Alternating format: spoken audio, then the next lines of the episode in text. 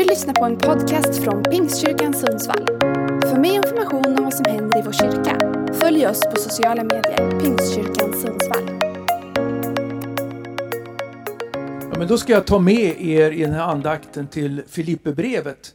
Det är Paulus som skrev det här brevet till den första församlingen i Europa. Och jag tycker det är så intressant just för vår tid. Jag, jag har fördjupat mig lite grann i Filipperbrevet och, och landat i det. Och jag kommer nog troligtvis att predika ur det här brevet eh, några gånger framöver. Men på något sätt så, så det berättas att Paulus han satt i fängelse eller hade nog mer en typ av husarrest. Så han eh, var ju lite, eller han var isolerad.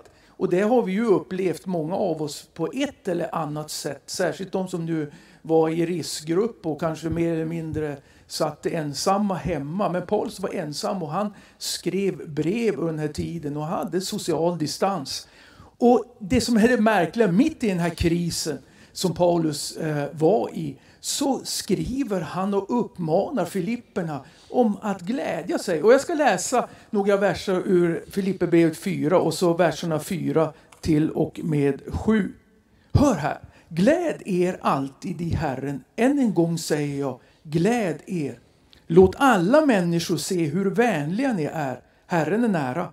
Bekymra er inte för något utan låt Gud få veta alla era önskningar genom bön och åkallan med tacksägelse. Då ska Guds frid som övergår allt förstånd bevara era hjärtan och era tankar i Kristus Jesus. Några korta tankar från de här verserna. Paulus börjar här med gläd er alltid i Herren. Och så på något sätt så upprepar han, förstärker han det mitt i hans fängelsevistelse, sociala distans, eh, husarrest vad man kan kalla det, så betonar han än en gång säger jag gläd er.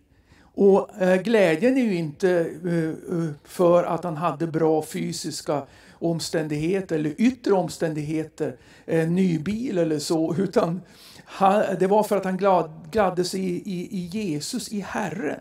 Och så fortsätter han och säger eh, den här glädjen och, och, och låt alla människor se hur vänliga ni är. Och det ligger precis i linje med det vi har pratat om här. Eh, man skulle också kunna översätta det med låt alla människor se hur osjälviska ni är.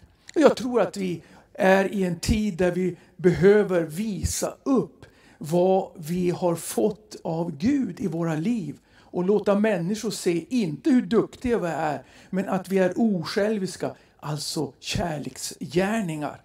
Och då fortsätter de och säger Herren är nära. Och det kan man ju eh, ha en liten dubbel, eh, dubbel betydelse. Både att Herren är nära dig och mig. Alltså, han är inneboende hos dig Jesus. Men samtidigt också syftar ju på att Herren kommer snart tillbaka. Jesus kommer snart tillbaka. Jag tror vi behöver påminna oss det i en tid där det liksom drar ihop sig. Där vi ibland eh, kanske tänker, är det verkligen den sista tiden som Bibeln talar om nu? Där olika saker och scenarion och så vidare. Då behöver vi också ha det hoppet, ja men Jesus kommer också tillbaka. Men han bor också i dig. Och eh, då fortsätter Paulus och säger liksom att, att äh, hemligheten i det här det är ju att be.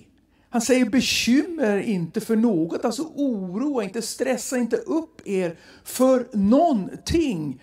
Utan låt Gud få veta alla era önskningar.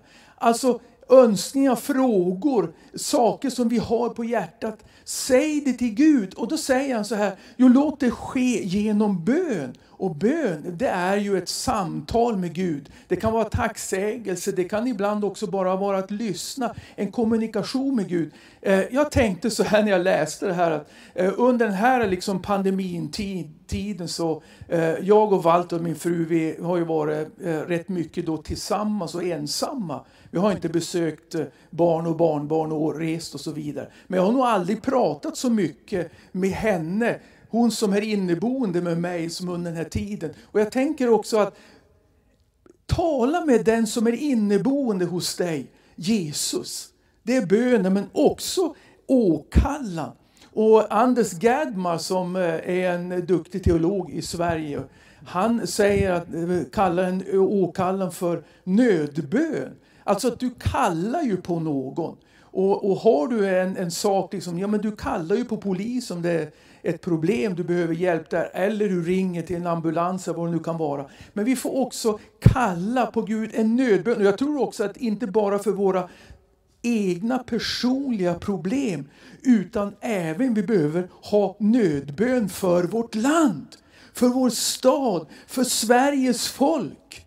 Det är dags för oss som kristna att ropa till Herren, Gud, grip in, rör vid människor, förändra situationer, fräls människor. Och eh, allt det här ska ske med tacksägelse. Och vad är tacksägelsen? Jo, tacksägelsen det är ju tacksägelsen för det Jesus har gjort på korset på Golgata. Ja, men det är ju därför som jag kan ha den här relationen med Gud. Att jag är ett Guds barn. Jesus han gjorde det. Och eh, jag är så tacksam för det. Och då säger Paulus här eh, i slutklämmen. Om du ber och delar det här med, med Jesus. Då ska Guds frid som övergår allt förstånd. Och när jag läser övergår allt förstånd, då tänker jag ja men det måste ju vara något som är övernaturligt. Inte utifrån yttre omständigheter utan det som övergår förståndet, det är ju någonting som är övernaturligt och det kan Gud göra i varje människas liv. Alltså den friden som vi kan få även i den här svåra tiden i den här pandemin och vad vi kan ha av problem och frågor. Alltså det finns något övernaturligt. Friden kan komma in i ditt och mitt liv när vi delar allt med Jesus. Och eh, då, den här friden den bevarar ditt och mitt hjärta och tankar i Jesus och i de möjligheter som Jesus har och hjärtat det kan man säga är ju mitt inre eller styrenheten för mitt liv. Eh, och och, och jag, jag, jag ber själv också Jesus, sitt du på tronen i mitt hjärta. Men jag också behöver bevarande och frid för mina tankar så inte de far iväg. Hur ska det gå? Och så vidare. Men det får vi också dela med honom. Så jag vill bara säga det till honom. Som Paulus säger, gläd dig alltid i Herren. Än en gång säger jag, gläd dig eller gläd er.